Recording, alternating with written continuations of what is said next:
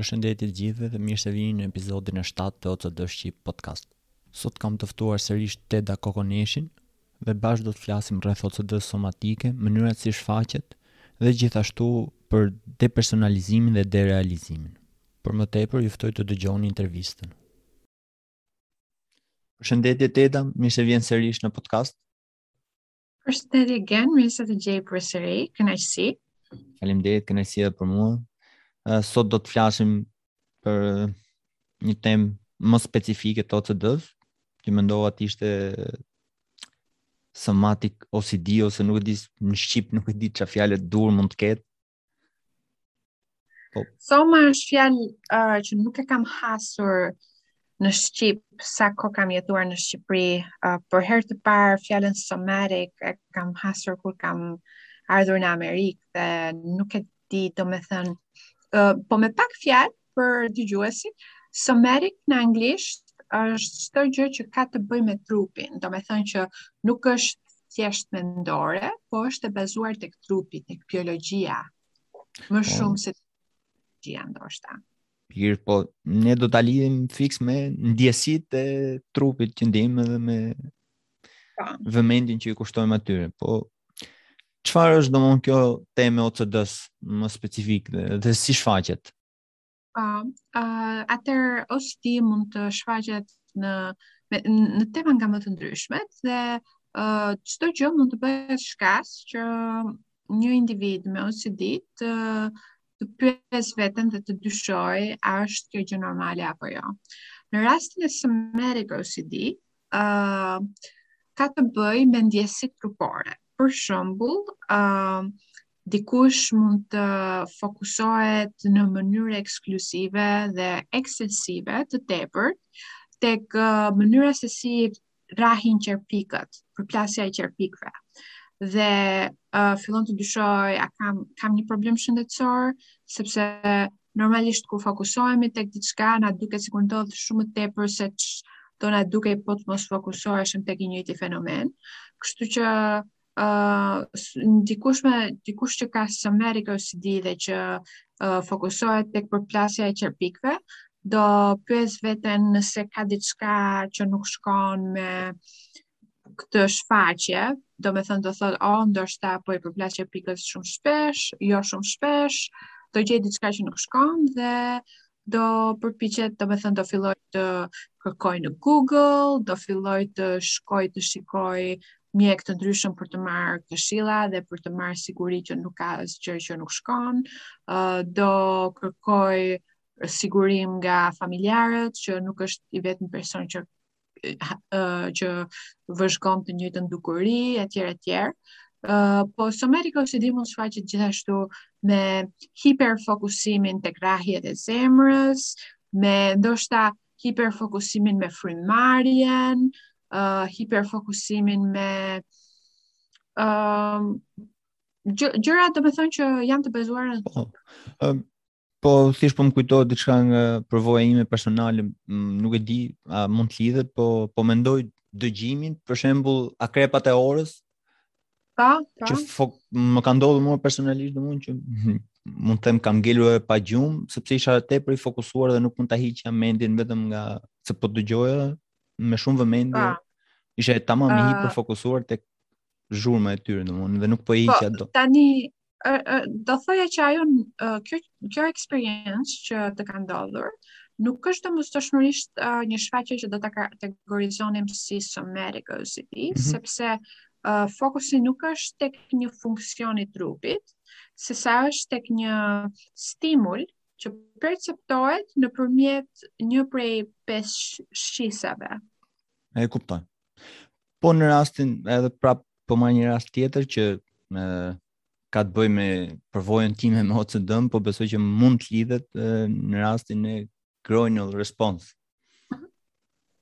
Uh, groinal response, uh, zakonisht um, shfaqet kur njerëzit kanë um, ose sexual orientation OCD, pra OCD në lidhje me orientimin seksual, ose kur kanë pedofilia OCD, uh, në kuptimin që kanë OCD të lidhur me uh, shqetësime se ndoshta mos ata janë pedofilë, Uh, dhe pra uh, groinal response është zakonisht një preokupim kur njerëzit kanë një shqetësim në lidhje me jetën e tyre seksuale. Ë uh, somatic OCD uh, e kuptoj lidhjen që bën sepse është përsëri e bazuar tek trupi.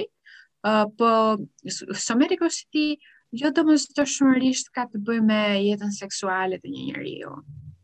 E kuptoj, thjesht po i sjellja si përvoja domethënë tek fokusimi një pjesë trupi ose një shqise do, pra një fokusim të tepër që natyrisht sjell shqetësim.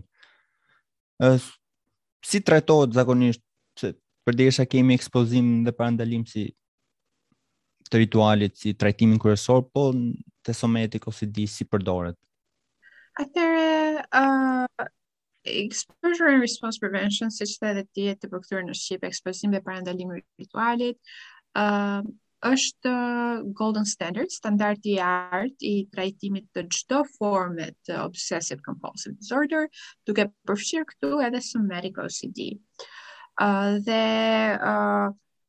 Ajo që mund të bëj është të jap disa shembuj se çfarë do ishin disa ekspozime te somatik OCD. Ë uh, uh, rregulli për të bërë një ekspozim të suksesshëm është që individi të ballafaqohet me një situatë të cilën në, në një situatë në të cilën uh, hiperfokusimi mbi uh, ndjesinë trupore ose fenomenin trupor është uh, edhe më i mundshëm. Për shembull, të shkojmë përsëri te shembulli i individit i cili është i hiperfokusuar me rrahjen e qerpikëve. Uh, Intuita më thotë që ndoshta edhe më edhe më e skajshme kjo eksperiencë ose kjo përvojë shfaqet kur natën kur je në shtrat e tërë shtëpia është në qetësi, nuk pipëtin asgjë dhe ë uh, vëzhgon rrahjen e qerpikëve. ë uh, kështu që një ekspozim do jetë qëndro në shtrat zgjuar dhe uh, domethënë, që uh, bëhu, bëhu i ndërgjegjshëm për rrahjen e qerpikëve, pa u hiperfokusuar, por mos uh, bëj rituale, mos kërko në Google, mos shko të zgjosh partnerin dhe ta pyesësh nëse kjo është normale, etj etj. Pikërisht te një pjesë që the doja të ndalesha sepse po ta përsëris dhe një herë the që të jemi të vetëdijshëm për të marrim rrahjen e qerpikëve, por të mos hiperfokusohemi. Tani nga ndryshon mhm vetëdija nga, nga fokusimi ose nga vëmendja. Pyetje shumë e mirë, sepse uh, edhe në eksperiencën dhe përvojën time si psikoterapiste, kjo pyetje më lind shumë shpesh gjatë trajtimit të pacientëve. Kështu që ka një ndryshim. Uh, kur jemi të vetëdijshëm rreth diçkaje, nuk ka rëndësi nëse kjo është një ndjesi trupore, një mendim etj etj. kur jemi të ndërgjegjshëm rreth diçkaje, jemi po ashtu të ndërgjegjshëm rreth uh, të gjitha stimuj, të gjithë stimujve të tjerë që perceptojmë nëpërmjet pesë shqisave. Për shembull, kur je i ndërgjegjshëm për rrahjen e qerpikëve, Je gjithashtu i ndërgjegjshëm për temperaturën e ajrit, je i ndërgjegjshëm për uh, prekjen e çarçafit mbi lëkurën tënde, je i ndërgjegjshëm për uh, tingullin e tiktakut të orës, je i ndërgjegjshëm për shijen që pasta e dhëmbëve ka lënë në gojën tënde pasi ke larë dhëmbët para se të shkosh në shtrat. pra i ndërgjegjshëm për çfarë shikon, çfarë dëgjon, çfarë nuhat, çfarë shijon dhe çfarë prek. Dhe gjithashtu je i ndërgjegjshëm edhe për ndjesitë trupore. Pra, kur jemi të ndërgjegjshëm për diçka, nuk hiperfokusohemi tek ndërgjegjësimi jonë rreth kësaj këtij mendimi apo kësaj ndjesie, por e lejojmë ndërgjegjen të qëndrojë në mënyrë të barabartë në të tëra stim, në të tërë stimujt që vijnë nga pesë shqisat, si dhe nga ndjesitë trupore. Ndërsa kur hiperfokusohemi, i lëm të tërë të çdo çdo stimul tjetër e lëm jashtë ndërgjegjes dhe hiperfokusohemi vetëm tek një stimul, qoftë ky mendim, ose ndjesi, ose stimul i shqisave. Një shpjegim shumë i saktë, s'e kisha menduar në këtë aspekt, po përgjithsisht unë domethënë si e kam konceptuar unë deri vonë, po them, ndërgji, po e marr vetëdijen, është si diçka që ti thjesht domethënë je i vetëdijshëm dhe më... që po ndodh diçka ose ke ndjesinë edhe je i aftë që ta lësh aty ku është mm -hmm. pa po. së mund si, si diçka që thjesht e di siç mund ta dish nuk e di ça ke veshur që ta mama po, ato shqisat që the çfa... po çfarë ndodh kur, kur thjesht je i vetëdijshëm dhe e lë aty çfarë ndodh Asgjë, do vazhdon me me ditën. Vazhdon, vazhdon, vazhdon uh, merr perceptime nga shqisat e po, tjera. Po, pikë pikërisht i pranishëm në moment. Po, me këtë shpjegim që që më dhe, domethënë më duk shumë i saktë, më duket si diçka, po ta marrësh si diçka fizike, sikur ë uh, është thjesht një fuqi që gjatë vetëdijes ti e shpërndan në shumë aspekte, ndërsa te fokusimi ti fokuson vetëm tek një. Pikërisht, e, e ke thënë shumë mirë. Besoj kjo mund të ishte si shpjegim nuk e di në qoftë se e mban mend në shkollë, në klasat e parë që bënin këto problemet e matematikës me kokrra molle, ah. do. me këtë po e krahasoj. Ë pyetja tjetër është shumë e rëndësishme që lidhet është si mund ta ndalojmë së kushtuari vëmendje ndjesive somatike? Uh, mendoj se ajo që diskutuam deri tani uh, aplikohet fare mirë edhe me këtë pyetje të momentit, uh, sepse mënyra se uh, domethënë nuk është qëllimi që të ndalojmë së kushtuari vëmendje, sepse në qoftë se do themi që do ndalojmë së kushtuari vëmendje në në mënyrë totale, ti po kushton vëmendje. Themi, pra, atëherë do themi që do themi që po e supresojmë ose po e represojmë këtë uh, vetëdije ndaj uh, ndjesive somatike. Dhe ky nuk është qëllimi, sepse çdo gjë që supresohet ose represohet shfaqet në mënyra të tjera. në vend që të të të ndalojmë çdo vëmendje ndaj ndjesive somatike, neve e e e lejojmë ndjesinë somatike në vëmendjen tonë, por jo në mënyrë ekskluzive mbi ndjesinë somatike, pra jo jo vëmendje në mënyrë ekskluzive mbi ndjesinë somatike, po vëmendje e përhapur nga të, nga informacioni që vjen nga pesë shqisat.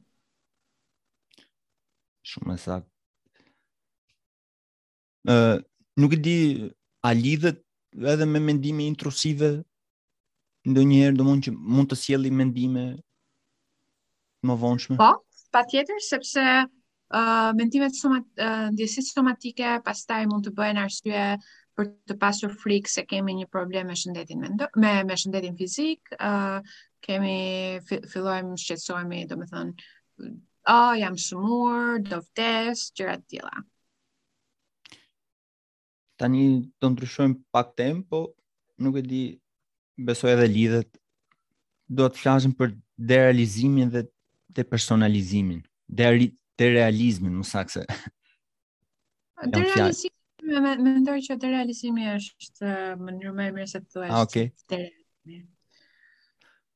Ë uh, fillimisht t'i shpjegojmë dhe nga ndryshojnë. Uh, atëherë uh, derealizimi dhe depersonalizimi janë dy uh, fenomene të ngjashëm, por njëkohësisht të ndryshëm.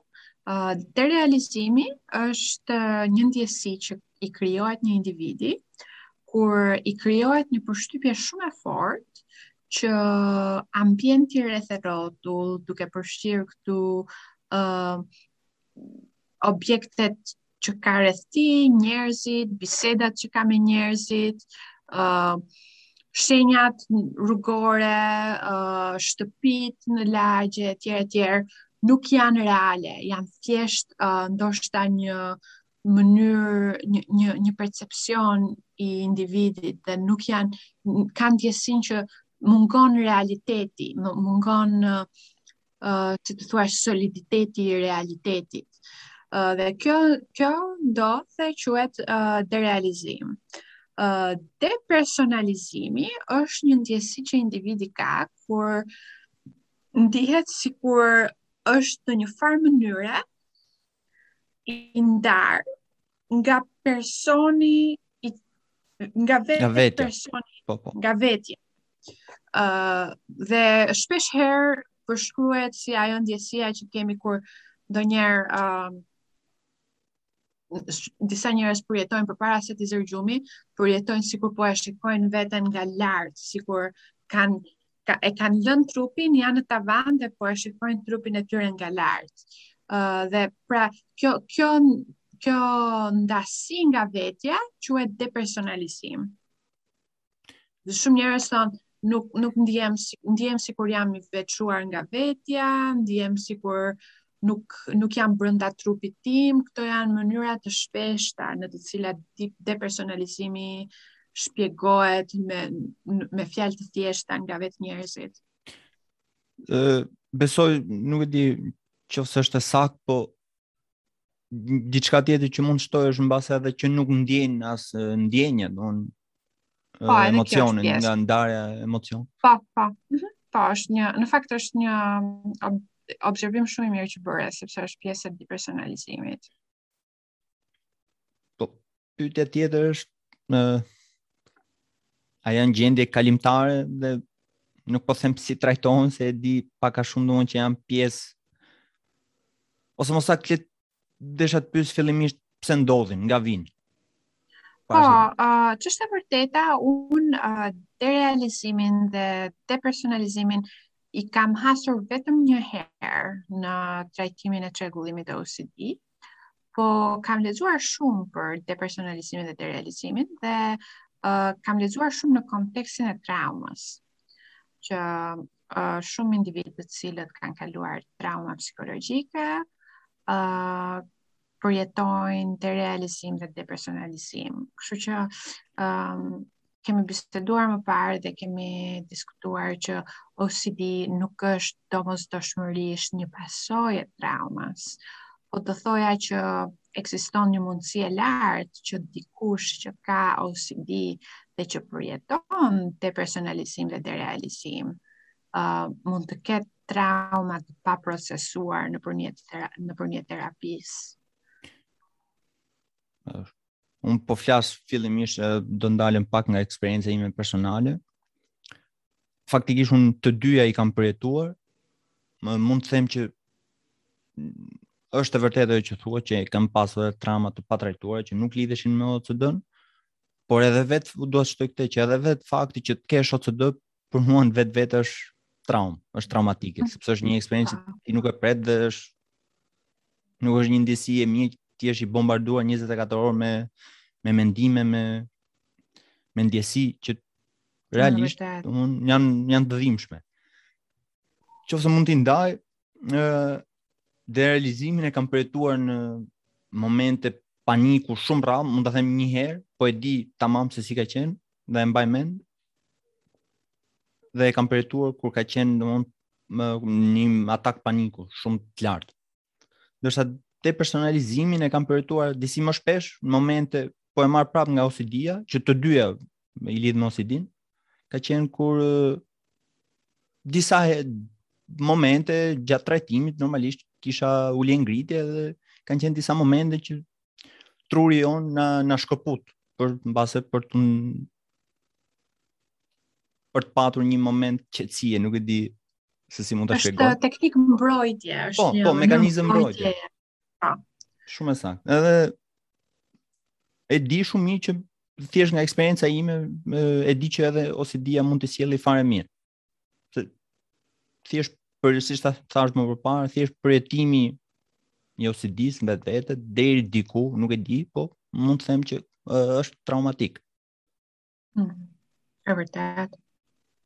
Ka shumë ka shumë të vërteta ajo që po thua. Ë, uh, domethënë uh, për individin që nuk ka njohuri, që kjo është një sëmundje që shumë njerëz e përjetojnë dhe uh, është shumë traumatike të kesh mendime që janë uh, drejtpërdrejt kundër vlerave të tua si person dhe që janë vlerat me të cilat do të bazosh jetën dhe të kesh mendime dhe uh, Më, përtej mendimeve të kesh uh, në anglisht është urges, të kesh pikërisht, të ndjesh, të ndjesh uh, një tërheqje të fortë ndaj të vepruarit mbi ato mendime, edhe pse e di që nuk do veproje kurrë mbi ato mendime të kesh një tërheqje të, të vepruarit ndaj këtyre mendimeve. Është natyrisht shumë traumatike sepse ëm um, trauma në fjalët e një psikoterapisti të njohur, uh, Gabor Mate, është çdo gjë që ndodh, që nuk duhet të ndodhte, dhe çdo gjë që nuk ndodh, që duhet të ndodhte. Në në të dy rastet ekziston potenciali që eksperienca të përjetohet si traumatike nga njeriu që e pëson këto gjëra. Kështu që Sipas atij përkufizimi, atëherë do thonim që individi që ka ato mendime kalon një farë traume psikologjike. Dhe kjo është thjesht për të shumë fjalë të sakta dhe kjo që thashë ishte thjesht për të ndarë edhe eksperiencën time, po pa pa dashur ta si të them ta ta mbingarkoj trajtimin e OCD-së se realisht për mua është ndryshim jete edhe për këdo që nis terapinë edhe dua të them që do nuk duhet të të ndalojë çfarëdo lloj dhimbje, çfarëdo lloj mm, përjetimi që mund të kesh nuk duhet të të ndalojë për të përmirësuar veten edhe jetën. Po, um, domethënë, në, në fushën e eksperiencave që mund të kemi, ose përvojave që mund të kemi në jetë, çdo gjë është e mundur. Shpeshherë, arsyeja pse traumatizohemi nga gjëra që përjetojmë, është sepse nuk do na kishte shkuar kurrë në mendje që mund të përjetonim diçka të tillë.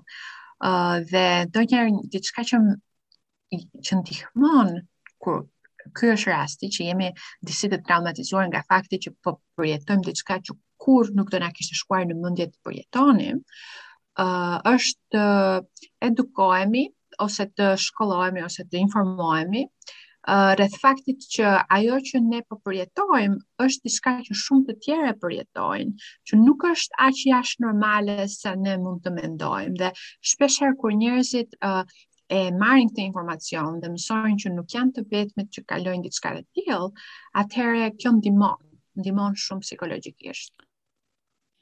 ajo që po më bie në mend në këtë që sapo the, faktikisht diçka që mua më ka traumatizuar, siç e përmenda, është ka qenë groinal response, realisht, sepse siç e the dhe ti është diçka që nuk e prisja kurrë që të ndodhte edhe dukej jashtë normales, edhe mendoj se edukimi është jashtëzakonisht shumë i cekët në këto aspekte, edhe nuk është mendoj se nuk është faji i askujt, por thjesht janë njohuri që të bie për pjesë t'i mësosh gjatë siç më ra mua që t'i t'i mësoj gjatë trajtimit të OCD-s, por se realisht nuk është se një person në shkollë apo ku di unë më mund të mësojë për groinal response ose një, sepse nuk janë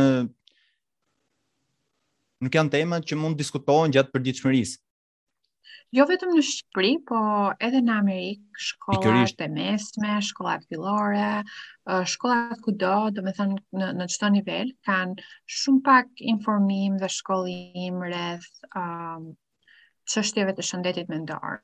Dhe uh, kjo bën shumë të rinj, apo edhe jo shumë të rinj, të vuajnë, sepse këto janë gjëra që domethënë studiohen së tepërmi në fushën e shëndetit mendor, po nuk janë njohuri komune jashtë fushës së shëndetit mendor. Kështu që krijon problem. Natyrisht në vazhdim besoj që mund të kemi një episod më vete për këto tema, sepse besoj që duhen trajtuar më edhe duhen shtjelluar më tepër. Mm -hmm. dhe aty ku e lam ishte rreth derealizimit dhe të personalizimit, a janë gjendje kalimtare dhe si mund të trajtohen? Uh, është një pyetje interesante. Uh, do thoja që po ka trajtim, uh, në bagazhin ose njohuritë e mia kryesisht depersonalizimi dhe derealizimi janë të trajtuara nëpërmjet trajtimit të traumës psikologjike, por në kontekstin e OCD do thoja që um, trajtohen me ERP, Exposure dhe Response Prevention ose ekspozim dhe parandalim rituali uh, nëpërmjet uh, të të qenit të ekspozuar ndaj stimujsh që e krijojnë këtë gjendje. Për shembull, nëse dikush ë um, ndjen derealizim kur i jep makinës, dhe i duket sikur ajo që shikon përtej ë uh, qelqit të makinës, përtej xhamit të makinës është një ekran kompjuteri, atëherë bën një ekspozim ku bën një uh, shëtitje të gjatë me makinë. Derisa ankthi që kjo situatë krijon, paksohet. Mhm.